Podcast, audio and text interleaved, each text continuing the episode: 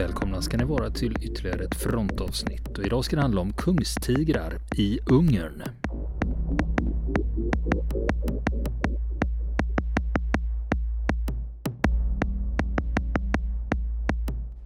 Ja du Niklas, vi håller ju fortfarande på med Rickard von Rosen och hans kungstigrar i Ungern. Jajamän, och det blir, blir lite till om, om honom. Och eh, pansarstriderna i Ungern hösten 1944. För eh, eh, vi, ja, vi har förstått att det är många lyssnare som tycker det är väldigt intressant och det tycker vi med. så att, eh, så att eh, vi kör på med eh, ytterligare eh, några händelser som, eh, som han eh, var med om under, under de här striderna på i, i Ungern då, alltså ett frontavsnitt som är, var dramatiskt men eh, kanske lite okänt för många av eh, våra lyssnare. Så att eh, när vi lämnade honom senast, ja då, då hade han ju precis varit framme och tittat på en, en eh, sovjetisk T34 som hade tagit sig in i en infanteriställning. Där infanteristerna inte hade lyckats slå ut den och drabbats av förluster. Och eh, så han hade ju varit fram och spanat där på den här. Eh, rekat tillsammans med eh, en kompanichef från infanteriet. Ja just det, för han var ju väldigt nära den. Ja, och precis. Han, han, jag minns att han hade tänkt så här, fan jag skulle haft med mig en pansarnäve. Exakt. Och nu hade han inte det. Som sagt, utan eh, han eh, beger sig tillbaka till eh, Kungstigern som han hade tagit med sig då och instruerar vagnchef och skytt om var målet finns. Och eh, sen så rullar Kungstigern fram och gör jobbet blixtsnabbt. T34, besättningen där, de hann aldrig uppfatta vad det var som träffade dem. Vagnen stod inom ett ögonblick i lågor. Och infanteristerna i den här ställningen, de var ju förstås överlyckliga över det här och såg det nästan som ett mirakel. Men för von Rosen och hans vagnsbesättning så var det här bara en rutinsak. Och, men just när de skulle dra sig tillbaka därifrån då överraskades de av sovjetiskt attackflyg. En Sturmovik, eh, jaktbombare.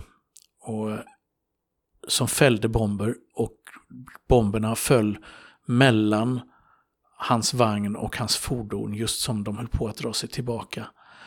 Eh, och några av soldaterna på en öppen luftvärnsvagn som också var med då, de blev däremot allvarligt sårade. För de var ju mer oskyddade. Eh, på, sina, på sina lavetter. Och eh,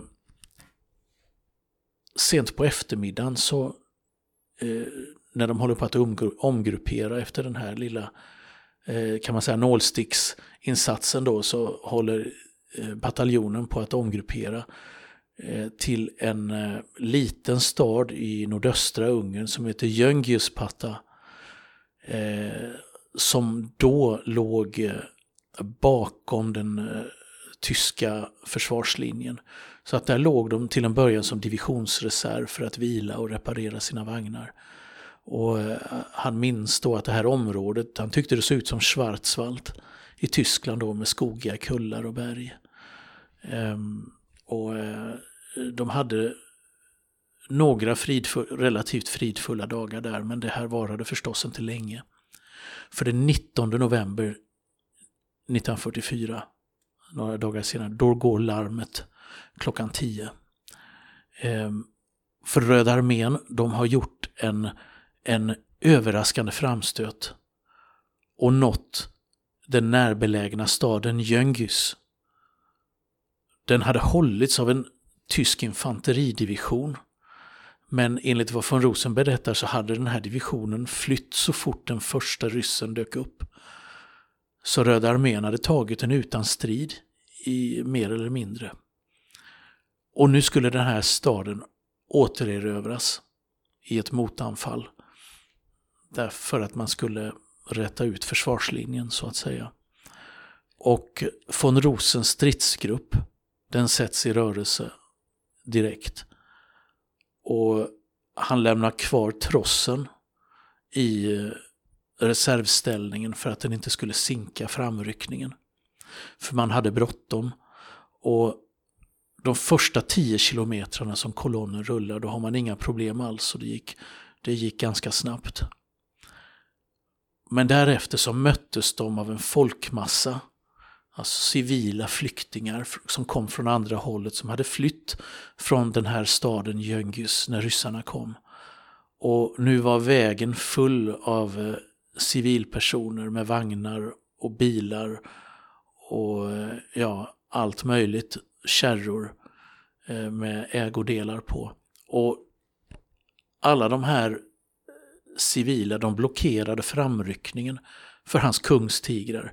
Så att det gick oerhört långsamt framåt. Det var som att simma mot strömmen. Eh, berättar han då i sina memoarer. Och till råga på allt så utsattes de för fientligt attackflyg som besköt och bombade både civila och den militära kolonnen. Och han skriver då att jag, ställde mig i luck jag ställ stängde luckan och såg genom observationsspringorna hur det ryska planet dök ner mot oss. Jag såg mynningsflammorna från dess kanoner och kände tydligt hur granaterna träffade min stridsvagns pansar. De fällde också bomber men deras träffsäkerhet var dålig och mina vagnar drabbades inte av större skador. Och efter det här intermezzot då som man kan misstänka lämnade många, många skadade och döda civila utefter vägen där så nådde de slutligen fram till utkanten av staden Jöngis då som Röda armén nyligen hade erövrat.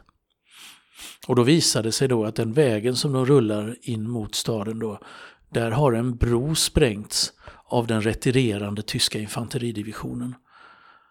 Eh, när de drog sig tillbaka då. Och den här bron den hade gått över en djup ravin så där, där var det helt omöjligt för dem att ta sig fram. Och det gick inte att ta sig runt. Utan istället så rullade de in på en kyrkogård i närheten, upptog eldställningar och började beskjuta misstänkta hus på andra sidan ravinen. Mm, eh, för att det sköts en hel del från det hållet då. Men infanterielden då från fiendesidan den avtog och upphörde helt efter några välriktade granater från kungstigrarna. Och så småningom så anlände även de första stridsvagnarna ur det tyska första pansarregementet då som man opererade tillsammans med. Och det här var, ju, var Panzer 4, alltså den gamla arbetshästen då, en betydligt mindre och lättare stridsvagn än Kungstigrarna då. Eh, och tillsammans med de här vagnarna så kom också regementschefen eh, som eh, han av viss finkänslighet då kan man misstänka så identifierade han inte honom med namn utan bara med grad. Då. Han var major eh, och det ska få sin förklaring lite längre fram här. Och nu uppstod en helt ny situation på platsen då. För divisionschefen, alltså chefen för infanteridivisionen som nyss hade övergett Jöngius, han tog befälet över alla pansarstyrkorna som hade anlänt då, inklusive von Rosens stridsgrupp och beordrade att de genast skulle ansluta sig till hans division. Men det där var, inte, det där var lättare sagt än gjort. För pansar, stridsvagnskolonnen den hade kommit in från ett annat håll medan och befann sig på andra sidan staden då jämfört med eh, infanteridivisionen då. Och det gick ju naturligtvis inte att köra rakt genom stan då eftersom fienden var där. Och så, utan man måste ta sig runt tvärs genom terrängen som då var väldigt kuperad och full av vingårdar och annan vegetation då. Och de stora kungstigrarna de fick alltså långsamt kämpa sig upp för de branta sluttningarna och körde fast ideligen då i den, i den vattensjuka terrängen. Då. Och den ena vagnen fick dra loss den andra och sen var det dags för den tredje att köra fast och då fick någon annan vagn som fortfarande rullade dra loss den. Och så vidare så pågick det i nästan en evighet då. De fick korsa vattendrag, mindre vattendrag då som de kunde eh, köra över på larvbanden då. Och de bekämpade också en eh, sovjetisk pansarvärnskanon som hade eh, grupperats vid ett vattentorn och som hade en utmärkt eldställning och besköt dem som om de vore på en skjutbana ungefär. Men eh, den sköt de snabbt sönder. Och Panzer 4, trots att de var lättare, så klarade de inte alls att ta sig fram samma väg som kungstigrarna. Eh, utan de körde fast gång på gång då. Det är klart att det var ju ganska lerigt och spårigt efter kungstigrarna. Eh, så det kanske inte var så överraskande och sen hade de ju klenare motorer. Eh, utan de fick ta en annan väg istället. Men då kungstigrarna, flera av eh, von Rosens kungstigrar, de satt, var ändå fastkörda då på de här vingårdarnas sluttningar. Ehm, och av pansarfyrorna så var det till en början bara regementschefens vagn som klarade att ta sig fram på andra omvägar då. Ehm, och så att det var himla mycket svärande och kämpande med att eh, få fram så många vagnar som möjligt ur kolonnen till, till eh, den beordrade platsen då där infanteridivisionen höll till. Ehm, och när han kom fram dit så hade han bara fem vagnar kvar från Rosenborg. Och bara tre av dem var med honom medan två hade hamnat på en annan väg. Eh, inte långt därifrån. Så att eh, det var ju inte optimalt så att säga, den här fordonsmarschen rakt genom terrängen. Eh, och när mörkret föll, när de då hade tagit sig fram dit, det hade tagit hela dagen, eh, så kallades han till regementschefen, då majorens stridsledningsplats. Och dit tog han sig då på en Kettenkrad. Vet du vad det är? En Kettenkrad, ja mm. det är eh, mm. det är ett motorcykel framhjul. Jo. Men sen är det larvband på sidorna bak ja. till. Exakt, en sån skulle man ha. Ja, varje gång jag ser det på bild eller i film så tänker jag så. precis, jag, trodde det, jag trodde det bara var jag. ja. det hade varit skit. Och jag hade kört stoll i skogen med den, det kan du tro. Om jag hade haft den. Eh, han tog sig alltså dit då till eh, regementets stridsledningsplats. Och eh, där fick han då en eh, genomgång eh, av majoren då som meddelar att kårstaben, alltså kåren som infanteridivisionen tillhörde, den hade gett order om att just den här infanteridivisionen skulle genast återta staden med stridsvagnarnas hjälp. Och von Rosen han var inte speciellt entusiastisk över att behöva utkämpa strid i bebyggelse med sina, med sina stora kungstigrar. Men han kunde ändå förstå varför generalen, befälhavaren för armékåren ville ha detta gjort då, och så fort som möjligt. Men när han, när han fick höra anfallsplanen som han hade tänkt ut så blev han chockad. För det var ett anfall som skulle genomföras i mörker med två stridsgrupper på varsin infartsväg till staden då. Och den högra gruppen den skulle bestå av hans tre kungstigrar som han hade hos sig då. Han skulle ha sex eller sju pansarskyttefordon med pansargrenadjärer och cirka hundra infanterister utöver det. Och infanteriet, som ni kommer ihåg då från förra förra avsnittet att han var inte imponerad över kvaliteten på det tyska infanteriet eh, tidigare och det ble, blev han inte nu heller för de flesta av soldaterna, ja de var konvalescenter, alltså nyligen tillfrisknade soldater från fältsjukhusen. Och en del var till och med sårade men kunde fortfarande använda benen. Och så var de dåligt utrustade och det gick att bara genom ett ögonkast se att här fanns det ingen motivation utan de var väl, tämligen slokörade. Och den vänstra gruppen den skulle bestå av de andra två kungstigrarna då som hade kommit fram till målet. Då. eh, under eh, en fältväbel Bornschir som var en av vagncheferna där. Och de, den var ungefär lika stark som von Rosens egen grupp då. De hade lika många pansarfordon och eh, soldater och eh, eh, man skulle sinsemellan då ha samband per radio då eh, för att kunna synka sig då. Och anfallet det skulle ledas av regementschefen då för pansarregementet, då, majoren i fråga. Och det skulle starta klockan två på natten, var det tänkt. Och von Rosen hade insett att det här är ju ren galenskap. De ska ge sig in med fordonen i en labyrint av gator som de inte känner till på förhand. Och fienden, de har redan varit där i 24 timmar och hunnit befästa sig och organisera sig och väntar förmodligen på att ett tyskt motanfall ska komma. Så han ser det här som ett, ja, det här är ju ett slöseri med värdefulla resurser att eh, kasta in dem på det här sättet Eh, i en sån här tokig insats. Och förutom det så var han också orolig för att bränsle och ammunition skulle ta slut och han måste lösa det här på något sätt.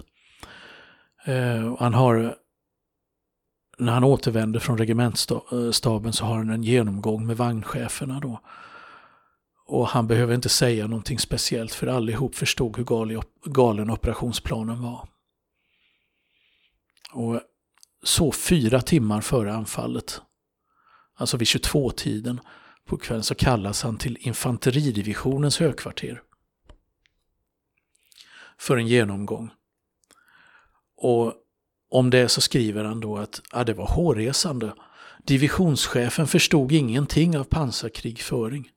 Och tyvärr var majoren och regementschefen inte en man som rakryggat sa sin mening. Och mina egna invändningar mot operationen de viftade, viftades bort av divisionschefen. Armékåren hade gett order om anfallet och därför fick ingen säga emot. Och en faktor som man också måste ta hänsyn till, ja, det var ju divisionens skamkänslor över att ha blivit överraskad av ryssarna och deras panikslagna flykt från staden föregående natt. Alltså det var mycket prestige som spökade, var hans tolkning då, von Rosens tolkning av, av situationen. Och eh, regementschefen, majoren då, han meddelade von Rosen att han tänkte leda anfallet från sin stridsledningsplats längre bak. Han tänkte inte vara med i kolonnen. Och efter det här, han hade haft sin genomgång med vagncheferna tidigare då, men han hade ändå tid att ha en genomgång med förarna eh, Eh, och eh, cheferna på pansarskyttefordonen eh, av vad som gällde. Och han hade en baktanke, för om anfallet inte kunde stoppas så ville han i alla fall genomföra det med minsta möjliga förluster för att anfallet skulle misslyckas. Det var han helt säker på. Och han var riktigt irriterad över att man på det här sättet meningslöst skulle offra soldater på grund av en högre chefs brist på kompetens. Alltså det var rent självmord, som han uttryckte sig då. Och precis som varje kväll när han hade stökat undan det här då så tog han radiokontakt med bataljonen, eh, bataljonsstaben och begärde drivmedel och ammunition. Och det var lite komplicerat då. Det var 50 kilometer på igensnöade vägar. Och en lång omväg då. För att de inte kunde ta sig genom terrängen på samma sätt som hans kungstigrar med lastbilarna då. Eh, och de kom ändå fram i eh, sista ögonblicket som man hann genomföra tankning och laddning innan det var dags eh, att sätta igång. Och han fick också ett par timmars sömn i sin egen befälsvagn innan, innan det, eh, det var dags. Han vaknade en halvtimme innan anfallet och gjorde sig redo. Och klockan två satte de mycket riktigt igång. Och det var alltså kolmörkt. Det var så mörkt att de var tvungna att rulla med luckorna öppna för att se någonting överhuvudtaget. Och soldaterna då, infanteristerna, alltså inte pansargrenadjärerna som, eh, som eh, åkte med pansarskyttefordonen utan de vanliga infanteristerna. Eh, de borde ha varit jämsides med stridsvagnarna när de rullade in i stan. Men istället så höll de sig längst bak i kolonnen och hade väl kanske ingen större lust att frivilligt eh, hålla sig så långt fram om, när skjutandet skulle börja. Och när de nådde de första husen då, kolonnen, så började de skjuta in i mörkret med allt de hade åt alla håll för att försöka lura ryssarna att anfallsstyrkan var mycket större än vad som egentligen var fallet. Och man beströk gator och hus med kulsprutor och man avfyrade lysgranater för att överhuvudtaget se någonting då. Eh, och i skenet från, från lyset då så insåg von Rosen att ryssarnas främsta ställningar i staden de var tomma. Och ryssarna hade dragit sig tillbaka från sina främsta positioner och längre inåt staden. Um, och det var ju lite oroväckande. Det var ju klart och tydligt att de väntade på det tyska anfallet. Och plötsligt så ser han en mynningsflamma till vänster om dem, till vänster om kolonnen. Det är den första PV-pjäsen de har mött. Och spårljusprojektilen då, spårljusgranaten, den for strax över huvudet på tyskarna. Så den, de hade siktat för högt. Och ett skott från tätstridsvagnen avfyrades och pansarvärnspjäsen tystades. Då ska vi veta då att von Rosen åker inte främst då, utan han åker som nummer två i kolonnen. Den här gången då. Och de rullar långsamt fram i mörkret och allt längre in i staden på gatorna. Och de skjuter lys gång på gång. Framför sig då lyser upp gatorna ett kort ögonblick och sen är mörkret tillbaka och varje gång så upplevde von Rosen att det var ännu kompaktare än tidigare. Eh, och tätstridsvagnen då som han hade framför sig, den kunde han bara se på grund av att det slog ut en och annan gnista ur avgasröret. Så så mörkt var det. Och plötsligt så får tätvagnen en fullträff i frontalpansaret och en granat till, en fullträff i frontalpansaret på von Rosens vagn som går som nummer två. Det är en ny pansarvärnskanon som är grupperad framför dem och som har skjutit i snabb följd. Och von Rosen han insåg att här gäller det ju att behålla lugnet för man är i underläge i mörkret. Och han ville ju hemskt gärna att infanteriet skulle komma fram och rensa husen på varsin sida av gatan. För de insåg han, de är fulla av ryssar. Men infanteriet, de visade sig fortfarande inte. De, eh, de svarade inte på signalerna att, att uh, gå i strid. Och nu hade de kommit ungefär en kilometer in i staden uppskattar från Rosen och fiendens eldgivning blev allt kraftigare. Det var mynningsflammor överallt. Och hans vagn får en träff i sidan men återigen så håller bepansringen. De inser att det finns flera pansarvärnskanoner i området. Grupperade i portar, portgångar och så vidare. Och han förstår att ryssarna har släppt fram dem så långt in i staden för att kunna göra ett bakhåll. Och eh, man svarar då med stridsvagnsgranater på det här, avfyrar den ena pansargranaten efter den andra in i husen runt, runt omkring då och motståndet börjar sakta avta. Och han inser också att han har inte speciellt mycket lysammunition kvar. Och kolonnen gör halt, han kommenderar halt tills infanteriet hinner ikapp. Så tänkte han i alla fall. Han hoppar ut ur vagnen och springer tillbaka till pansarskyttefordonen och samlar ihop all lysammunition han kan hitta i de vagnarna för att kunna fortsätta avfyra lys framför kolonnen.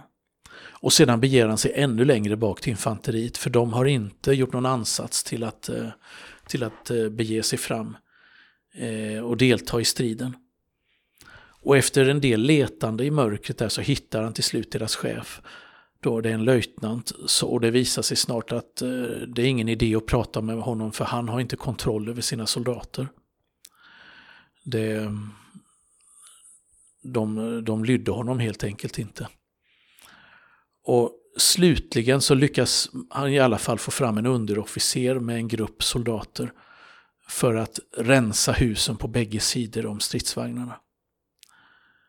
Och när den här gruppen då tog sig in på den första av innergårdarna de skulle in på så träffades underofficeren av en kula och stupade direkt.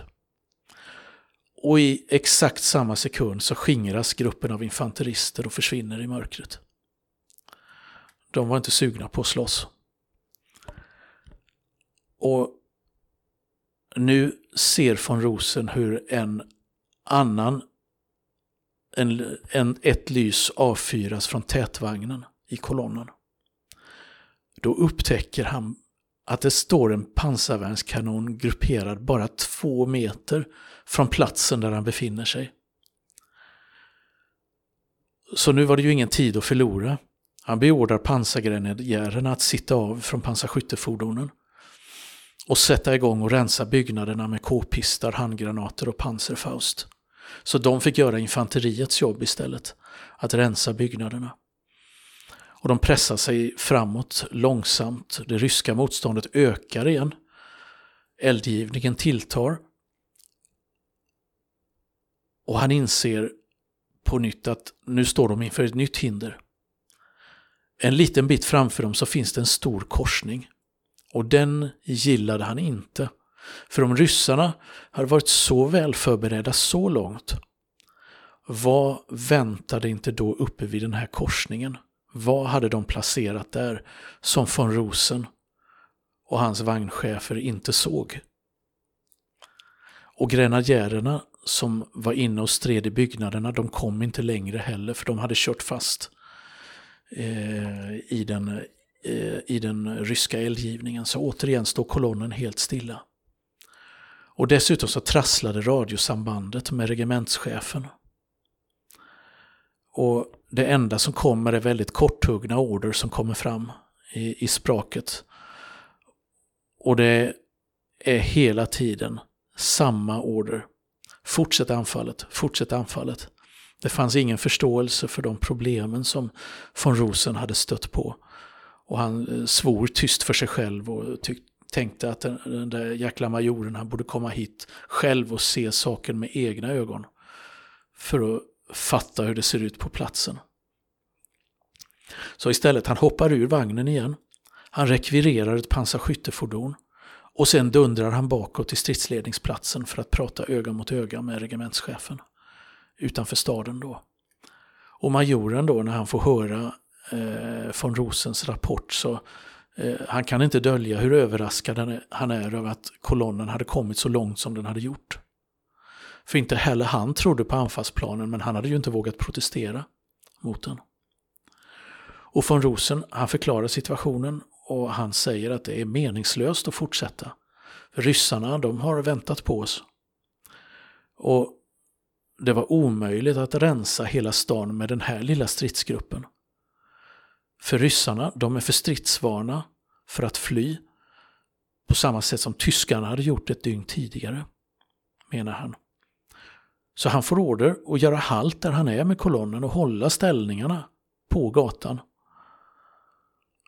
Och han hoppas intensivt att undvika ytterligare förluster även om han befinner sig då i en väldigt besvärlig situation.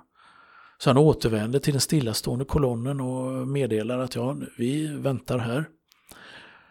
Och grenadjärerna och de som är kvar av infanteriet, de ställdes nu direkt under von Rosens befäl. Och han lät dem fortsätta rensa upp närliggande gator och en del av de intilliggande husen då. Men ryssarna höll fortfarande de flesta husen runt omkring. Och så småningom så kom gryningen och nu kunde han tydligt se korsningen 50 meter framför dem. Och när det blev ljust, riktigt ljust, så skulle det här inte vara en rolig plats att vara på för det var ryssar överallt. De var ju fångade på en vanlig stadsgata helt enkelt. Då, med, där det var fullt av skrymslen och vrår varifrån fienden kunde beskjuta dem. För så fort man stack upp huvudet ur tornluckan så kom kula farligt nära, konstaterar von Rosen. Och man kan ju undra, hur ska de ta sig ur den här situationen? Kommer det gå framåt eller kommer det gå bakåt? Det får vi avslöja i nästa avsnitt. Du slutar när det är som mest spännande alltså? Ja, det blir en cliffhanger. Riktig cliffhanger. ja, nu ska jag googla på bilder på Kettenkrad och kolla om det finns något sa du. Vill ni komma i kontakt med oss så kan ni göra det via vår Facebook-sida som heter Fronten. Det är inga problem för er att leta er fram där. Eller också så mejlar ni på vår mejladress och det är frontenpodcastgmail.com.